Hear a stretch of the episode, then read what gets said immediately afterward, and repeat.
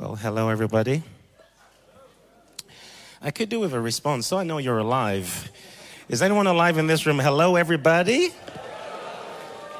Good to be here. It's my first time in this part of the Netherlands, and I'm excited to be with you t- uh, this morning, or this afternoon, this evening.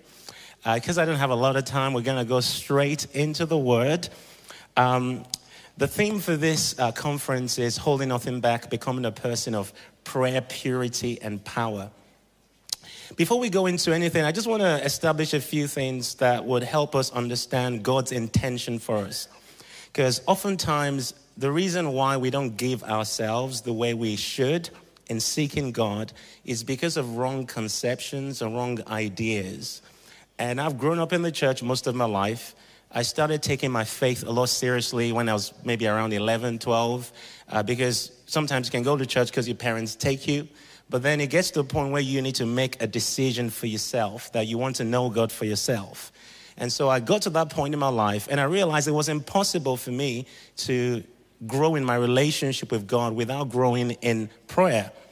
And I realized prayer was the primary way in which I was going to engage God. Now, I didn't enjoy prayer, I didn't like to pray, but I found that I had to get myself to surrender to God to the point where He started to change me on the inside. And I started to see prayer as something that was as important as the air I breathe. The problem of many Christians is they see prayer as something that's for somebody else and not for them. Oh, you know what? You like to pray. I'm going to let you do all the praying for me. And I want to announce to you here today that there's no such thing as a gift of prayer. I'll repeat that one more time in case you didn't hear me. There is no such thing all through scripture as a gift of prayer or a gift of intercession.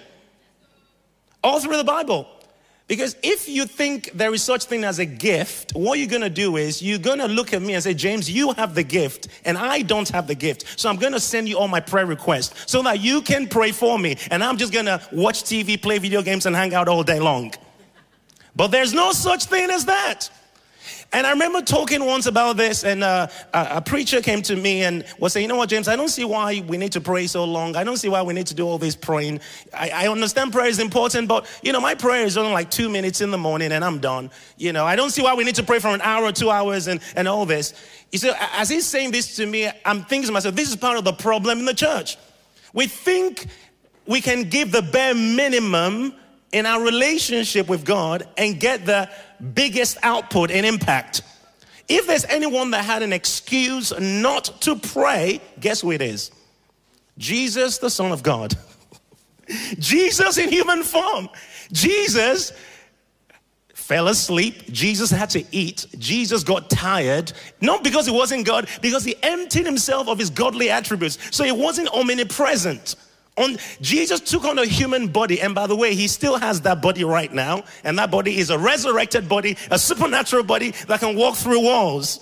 Jesus can be everywhere right now, as in he can observe what's going on on the whole planet right now because he's taking on his fullness, his form as the God of the universe. However, in his human form, there were some limitations he accepted to be human, meaning he, he had to sleep, he had to eat.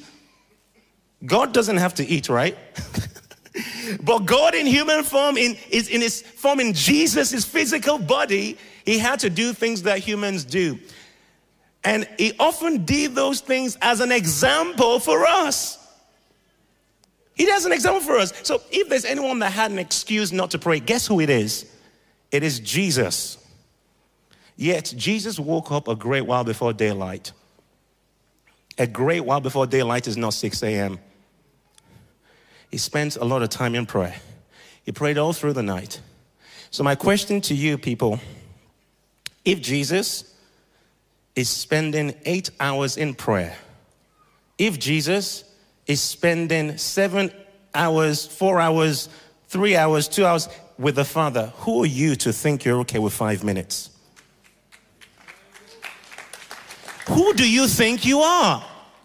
If God Himself is investing that much time, the reason why you think it's not important is because you've stepped into your humanistic mindset that causes you to be more dependent on yourself. You think you're sufficient. You think you're okay. In fact, your lack of prayer is a sign of your pride. Because you think you can do it. Oh, I've got the money. I've got, you know, I can just get up and do whatever I want. You don't understand that this world is more than just this physical realm you can see right now. Because of the fall of man and because of the nature we've been born, because of the nature we've been born with, in that we are more conscious of the flesh than we are the spirit, we often live our lives not aware that we are not just physical beings, we are spiritual beings. In fact, the spiritual world is more real than the clothes you have on.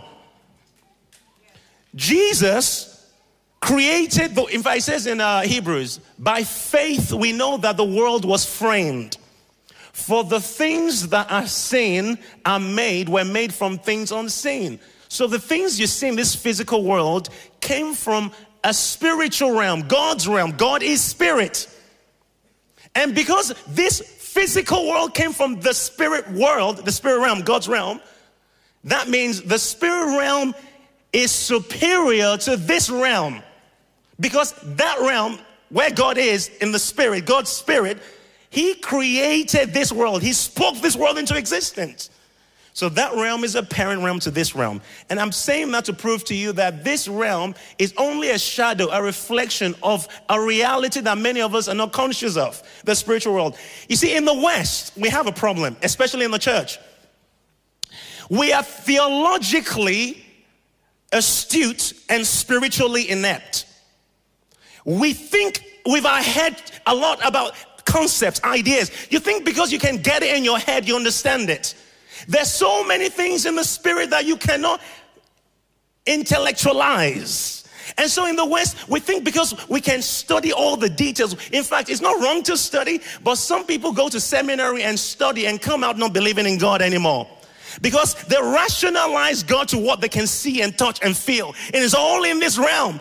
If you really want to know God, it's not just reading the Bible, it's taking time to spend with Him. But the problem with doing this is when you start spending time with God and when you decide you want to pray after this meeting, the first thing you're going to impact, you're going to face that's going to impact you is the reality of your flesh. Oh, James, the guy from England who likes shouting, came to preach at our church. And he said we should all pray. Okay, God, I want to do this prayer thing. And you get to your room, you shut the door, you say, Okay, Lord, I want to pray. The first thing you're going to feel is your flesh. Your flesh does not want to pray, but your flesh wants to watch Disney Plus, Netflix, and YouTube all day long. So the fact that you're finding it boring is not it's not pointing to the fact that you don't have the desire. The desire is when your spirit. Because, by the way, for you to get born again, for you to accept Jesus, He does a work of regeneration in your spirit. Your spirit is revived. So, in your spirit, God installs a new operating system. You know, like you have your phone or you have a computer, you have an operating system. The operating system is there to host applications so that you can do all kinds of things with a, with a, with a, with a device. The operating system now running your life has been installed by the Holy Ghost in your spirit. Is anyone alive here today? but the fact that the operating system has been installed does not mean you're activating the apps that come with the operating system. Some of you, you have the Holy Ghost in you, but you're not activating the life of God in you. At the same time, your flesh is alive. Your flesh is alive and well. In fact, let's go to this scripture just to point out this truth and teach it in the short time we have. Romans 8. Romans 8, verse 1 says, There is therefore now no condemnation for those who are in Christ Jesus. I'm reading from the New King James. Who do not walk according to the flesh, but according to the Spirit. I'll just pause there. You see, as I was preparing for this session, I was looking at some other translations and I was shocked. I don't know why, but some other translations don't have the part B of verse 1. So if that's your Bible, throw it away. I'm kidding, but at the same time, I'm surprised that some some translations of this verse don't have the part B, which I just read to you. I'm reading from the New King James. Now listen to this, because it makes complete sense when you put it all together. There is therefore now no condemnation for those who are in Christ Jesus. That's not the end of the sentence. That's, that first part is qualified by the next part. There is therefore now no condemnation for those who are in Christ Jesus who do not walk according to the flesh. Do you hear me? So there is no condemnation for those who are in Christ. That's not the end. It's only for those who do not walk according to the flesh. So those who are in Christ, who are truly in Christ, will not walk according to the flesh. But it says, those who don't walk according to the flesh, but according to the Spirit. That is the operating system that's been installed in you when you said yes to Jesus. So when you say yes to Jesus, now you're able to make a choice between the desire of the spirit and the desire of the flesh. But before you said yes to Jesus, you cannot make a desire, you cannot make a choice for the spirit because you are a slave to sin. And you did not have the ability to resist the devil because you did not have the Holy Spirit installed in your, in your spirit. But when you receive Jesus, something happens in your spirit called the regeneration. We call it being born again. Now the Holy Spirit is within you, but the fact that the Holy Spirit is within you doesn't mean your flesh dies. Listen to the next part of the verse. For the law of the Spirit of life in Christ Jesus has made us free from the law of sin and death. The law of the Spirit, we could translate as the, the life, the energy, the force of the Spirit that drives our Christian life, that force makes us free from the law of sin and death. When you're not a believer, you live your life under the government of the law of sin and death. That is the law that runs the, the, the, the, the human life that's not submitted to the Holy Spirit. That is the energy that drives sin and it resides in the flesh. Now, Paul is telling us when you said yes to Jesus, something happened in your spirit, and a new law was introduced into your life. Now, that law is able to make you free from the law that already exists. Notice Paul didn't say the law of the Spirit of life in Christ Jesus has destroyed the law of sin and death. Did he say destroy? No. What did he say? Makes us free from it. It doesn't mean it ceases to exist. Your flesh still ceases. Your flesh still exists. It doesn't cease to exist the moment you say yes to Jesus. Something happens in your spirit. And if you would engage the law of the spirit, it causes you to now be free from the influence of the flesh. A great example is the law of gravity. Gravity exists. It doesn't matter whether you're in the Netherlands or whether you're in Manchester or whether you're in Ghana or whether you're in South Africa or whether you're in Brazil. Our law is constant and is no respecter of persons. It doesn't matter you, whether you're the president or you're a beggar on the street. The law of gravity applies to every single human being. So you can choose to believe whatever you want to believe. You know, you can sing the song, I believe I can fly, jump off a building, and you realize that that's just a song, it's not reality. Because the law of gravity is no respecter of, pre- of persons. Now, the reason why I could get here was because I got in an airplane. And the airplane has an ability to engage another law. And it's the law of aerodynamics, and that law is superior to the law of gravity. Only when the engine is turned on and the pilot gets on the runway and then he maneuvers the, the plane and the plane takes off. The fact that the plane is in the air flying does not mean the law of gravity ceases to exist. It just means the pilot has now engaged a superior law to the law of gravity. And that is the picture of the law of the spirit of life in Christ Jesus. The law of gravity is a picture of the law of sin and death. The law of sin and death still exists. It's that law of sin and death that shuts you down from prayer. It's that law of sin and death that wants you to engage in all the activities of this world. You're able to do, you're able to watch movies, you're able to play games, you're able to talk with your friends and hang out. But when it's time to pray, you fall asleep and you're disconnected. You're excited about football. You're excited about sports. You know how to shout when your team wins. But when it's time to pray, you're a frozen chicken.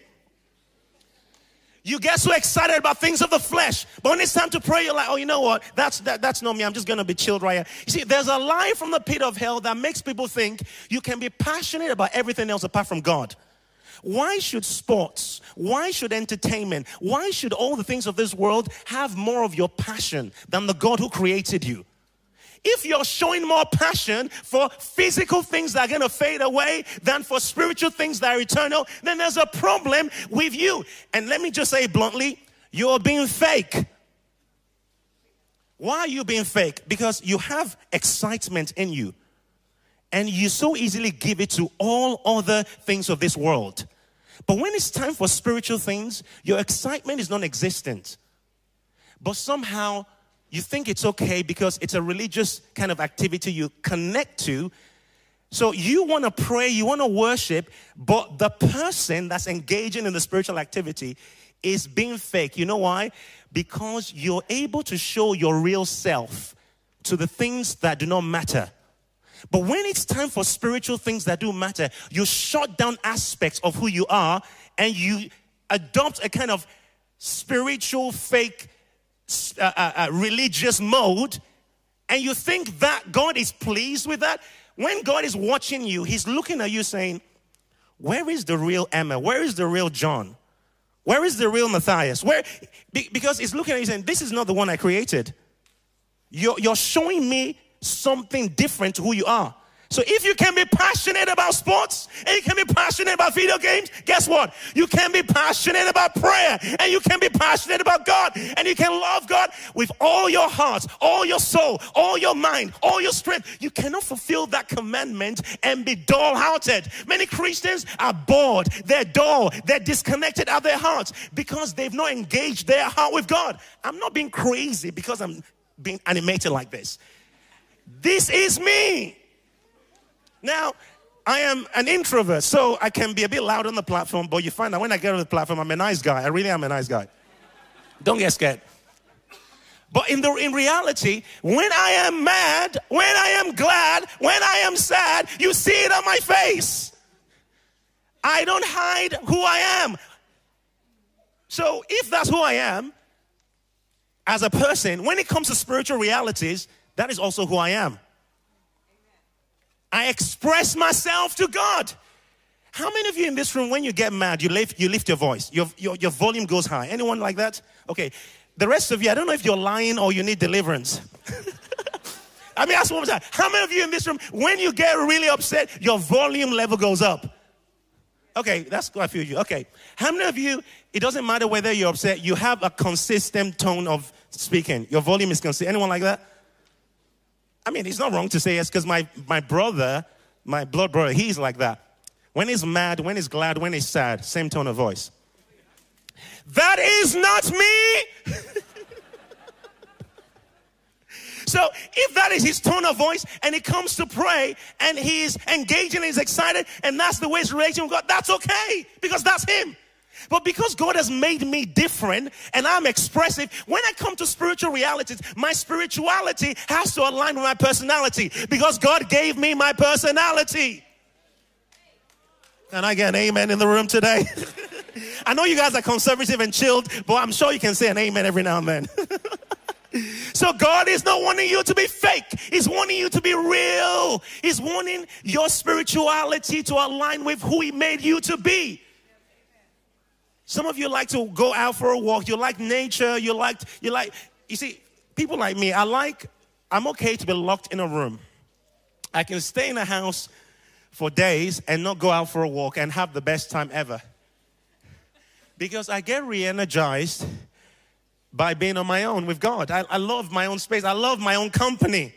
I don't get depressed if I'm in a room for seven days. Some people are like, oh gosh, I'm gonna, I need to see a human being. How many extroverts in the room? Okay, a few of you. Well, I am okay with just my own company. So, you know, it works well for me because it means I can go, I can have time, you know, retreats and, you know. Now, when it comes to certain people that are not wired that way, you have to find a way to engage with God with the way He has wired you. It might mean that you have to go out on the, you know, go out for a walk, and that is your time of engaging with God You, you, you know, Jesus went out. He didn't just stay in one place. Sometimes he'll go into a place, in a, a solitude place, outdoors. Sometimes he'll go into the mountains. Because he had to find a place where he could engage spiritually. You have to find that place. But what is stopping you from doing that is your flesh. Your flesh resists you. Your flesh doesn't want you to engage in spiritual activities. And I'm here to announce to you that there is a law that you need to engage, and that law is in the Holy Spirit.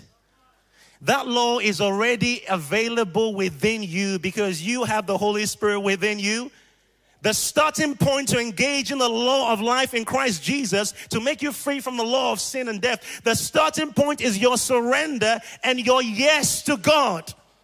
It's not that you're denying the feelings of the flesh, but you're saying, Lord, right now I may not feel like praying. Right now prayer feels boring, but Lord, I am choosing to say yes because I know my spirit wants prayer. My, my flesh may not feel like praying, but my spirit wants prayer. You see, the spirit and the flesh are constantly in battles. Galatians tells us this. See, if you have two dogs, you keep feeding one all the time, and then the other one you don't feed at all. When they end up in a fight, what's going to happen? The one you feed is obviously going to overpower the one you don't feed. What you feed grows, and what you starve dies. Many people are feeding their flesh more than they're feeding their spirit. Movies, games, uh, you know, holiday, nothing wrong with holiday. just things that you, everything you're doing is always just making your flesh comfortable. It's, it's like you feed your flesh seven meals a day. Not just the physical meals, but also the entertainment meals. But then you feed your spirit one cold snack every three days. Your spirit is starving while your flesh is bogus and full of life. And when the two end up in a fight, temptation, do you know who's going to win? Well, you've been feeding the most. So you have to feed your spirit. The great thing about feeding your spirit is the more you feed your spirit, the hungrier your spirit gets. The more you feed your spirit, it's like you can get satisfied, but you get satisfied and still are not satisfied. Because the more of God you encounter, it unveils to you the more of God you actually need. The way God has designed this to work is you're never going to get enough of Him. So the more of Him you seek, the more of Him you want. The more of Him you want, the more of Him you seek. And so God has designed this such that as you begin to spend time in prayer, oh, James, I don't know how to pray. Uh, how do we pray? You learn to pray by praying. You can read all the books you want to read about it. You can go to all the seminars you want to go to, about prayer. You're not going to learn how to pray by reading a book or even listening to a preach. You're going to learn to do it by doing it. Lock yourself in the room. Throw away the phone and say, okay, Lord, I'm here for this hour. Here we are, Lord. Um, I'm sure I'm supposed to say a few words to you, Lord, but okay, Lord, I, have run out of words to say. Okay, Lord, now I'm going to worship. Okay, Lord, I've run out of songs to say. Okay, Lord, I'm going to pray in tongues. I'm going to wait. I'm going to be silent. You only learn how to pray by praying. The spirit of grace and supplication, the spirit of intercession, it's more caught than taught. It's something that rubs off on you the more you engage in it. In the natural, if you lose your appetite in the natural, if you don't feel like eating and it's been one day, it's been two days, if you're married or you have a family around you, they're going to look at you and say, Are you okay? Is everything, you don't feel like eating? What do you mean? For two days you have not eaten. Oh, I just don't feel like eating. How many know that that's probably a good time to go and see a doctor because something is wrong if you lose your appetite for food? Is that a fair comment? Well, there are many Christians that have lost their spiritual appetite. You don't want to pray. You don't want to read your Bible. You don't want to spend any time with God and somehow you think you're okay? Can I announce to you, you're spiritually sick. Because your lack of appetite for God is showing that you're spiritually in a dull place. What you need to do is check into the spiritual hospital and put the spiritual drips of fasting and prayer and time with God and let the Holy Ghost revive your dead spirit. Are you hearing me today? There are no shortcuts to becoming a woman, a man of prayer. You have to give yourself to it. It takes your desire. God is not going to come and just kind of manipulate you and trying to overpower you to become a person of prayer. You're going to have to make a decision today. Lord, I want to be a boy of prayer. Lord, I want to be a man of prayer. I want to be a woman of prayer.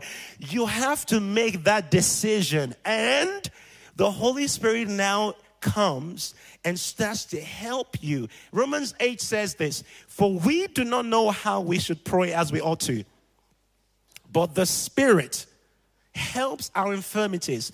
The Spirit helps us in our weaknesses. So, really, the true prayer machine is not you, it is the Holy Ghost. And I've lost track of time. Someone help me out. I'm good, okay? The, tr- the true prayer machine is not you, it's the Holy Ghost installed in your spirit. Jesus is a great intercessor. The Holy Spirit is also a great intercessor. The great thing is, the Holy Spirit is installed in your spirit. Now, because He's installed in your spirit, one of the ways you start to activate Him is by making room and admitting to Him your insufficiency, your inability. Lord, I am here to pray, but I don't know how to pray. Would you help me? And then you begin to pray. Pray in tongues. If you're not yet able to pray in tongues, ask the Holy Spirit, Holy Spirit, baptize me afresh. I want to be able to pray in tongues. Ask Him. He's real, He's more real than I am. And He knows exactly what you need. Get into your closet. Jesus says, when you pray, go to your room and shut the door and pray to your Father who is in secret. So there's something about that secret place and being honest and being real with God. There's no point trying to deceive God because he knows exactly where you're at. So don't try to sound cool and sound theologically, you know, great and, you know, all these nice things. See, some people think prayer is about how nice you sound. In prayer, it is more it is it, in prayer, it's better to have a heart without words than words without a heart. Some people are so cool and they're so eloquent and they pray nice prayers, but their prayers are not shifting anything in the spirit realm. Demons are actually amening their prayers and applauding them. Demons are check because their prayers are not moving anything because there's all kinds of hypocrisy in their hearts. And then there's some other people, they pray similar type prayers. It might not be eloquent, but it's shifting things in the realm of the spirit because it's coming from a deep place of conviction and surrender to the Lord. If your prayer is not moving you, why should heaven be bothered? If you're just praying out of obligation, not out of passion, your heart is disengaged, why should anyone in the realm of the spirit take you seriously? Because you're not taking it, you're not that bothered. Oh, you know, this prayer thing, I can live without it. I don't really care. You know, it's just something we, I guess, we're just meant to do as Christians. And so you just engage in this act, but your heart is completely disengaged. That doesn't cause any shift in the realm of the spirit. The Lord is wanting to raise up a whole new breed of warriors in the Netherlands. So I'm going to say that one more time. The Lord is wanting to raise up a whole new breed of warriors in the Netherlands. Warriors that will not back out. Praying warriors that will keep their ground and will know what it is to seek the Lord. Not for two minutes, not for five minutes, but know what it is to give themselves for extended time in the presence of God. People who will not be silent. I know oftentimes in this culture, even in the West, sometimes we can be very silent when it comes to prayer. We can keep quiet. And we think prayer is just silence. But I want to remind you that Jesus said, when you pray, say, Our Father who art in heaven. And then he gives a template for prayer. So when you pray, there's something important about releasing sound. Jesus says, when you pray, say. He didn't say when you pray, think. What did he say? When you pray? When you pray? When you pray? Come on, church, you can say that with more confidence. When you pray? Release words. Release sound. Why? Because words have no geographic limitation and they have prophetic implication. That's why the enemy wants to shut your mouth. So there are times when you need to learn to release your sound, release your words, release your heart to heaven. Don't let the enemy shut your mouth under a cultural bondage of silence. No, he wants you to release your sound, release your words. You don't have to be as loud as me, but you have to be real. Sometimes I'm loud, sometimes I'm not loud. Who cares? The point is, you have to be real with God when you talk to Him. Put aside all the religious garbage, all the religious words, all, all the things that you think you've learned, and be real with God. There are times when your prayers, you don't even have words, but all you have is a cry. Oh! See, in that simple oh, you may not have the words, but heaven takes that sound and decodes it and understands what you're trying to pray. Are, are you hearing me today? Words are important. However, your heart is more important, and you need to learn how to connect your mouth with your heart. I wrap up here. David said, Let the words of my mouth and the meditations of my heart be acceptable in your sight. So it's not just after the words, it's after the words of my mouth and my and my meditations in my heart coming into one. When they fuse into one, they can be acceptable in the sight of the Lord. Many times people are speaking words that's not coming from their hearts. And sometimes there's things in their hearts they've not lined their mouth with. So the Lord is wanting your mouth and your heart to fuse into one and release your sound to heaven. When you first begin to engage in prayer, it may seem challenging. I'm not here trying to tell you it's always going to be easy. But I want to say to you if you choose not to give up and you keep showing up, you keep seeking the Lord, even when you don't feel anything, that's what impresses Him. Because it says, without faith, it's impossible to please Him. Your faith is knowing that even though you can't see God physically, you're going into this transaction, spiritual transaction, with a spiritual being that you cannot see. And for that to be effective, you need faith. Knowing that He hears you, knowing that He sees you, knowing that He's excited you're coming to see His face. You keep giving yourself in that way, and I'm telling you, over time, your desires will begin to change his presence begin to reshape you.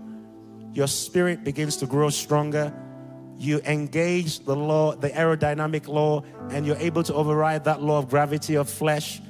And you find that the temptations that used to hold you bound, the distractions, the, the lost, all those things, it's not that they cease to exist, but you're riding above it because now you've engaged another law. Okay, I'm going to get you to stand up right now and we're going to respond to this.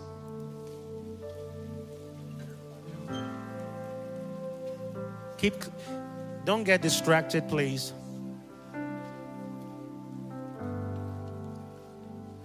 Just close your eyes. And I want you to imagine that plane taking off, engaging the law of the Spirit of life in Christ Jesus. It's not a law you engage and then you stop when you're tired. Imagine if the pilot turns off the engine midway through the air as soon as the pilot turns off the engine, the law of gravity kicks in. In the same way, the only way you live above the flesh consistently is by consistently engaging the law of the spirit of life, engaging in prayer, engaging in the word. It's not a one time decision, it's a continual decision. It's something you engage in every day. If you're here today and you want to say yes to Jesus, and you want to say yes to a life of seeking Him, a life of prayer. Maybe you said it before, but you found it difficult. But today you want to make a fresh commitment. I want to invite you to go to the cross right there, kneel around the cross, and this is what you're going to be praying. You're going to say, Lord, awaken me on the inside. Lord, I want to engage the law of the Spirit of life in Christ Jesus. I don't want to leave my life ruled by the flesh and the desires of this world. Mark me with a desire for things of the Spirit like never before, a desire for prayer, a desire for fasting, a desire for holiness, a desire to seek your face beyond anything this world has to offer. So I'm giving you the kind of prayers to pray. You know, I want to go to the to the cross right there as a place to just engage with the Lord. And what we're saying is, Father, mark us with a spirit of grace and supplication like never before. As the band lead us and just play some music right here, I want us to change this space into a space of prayer.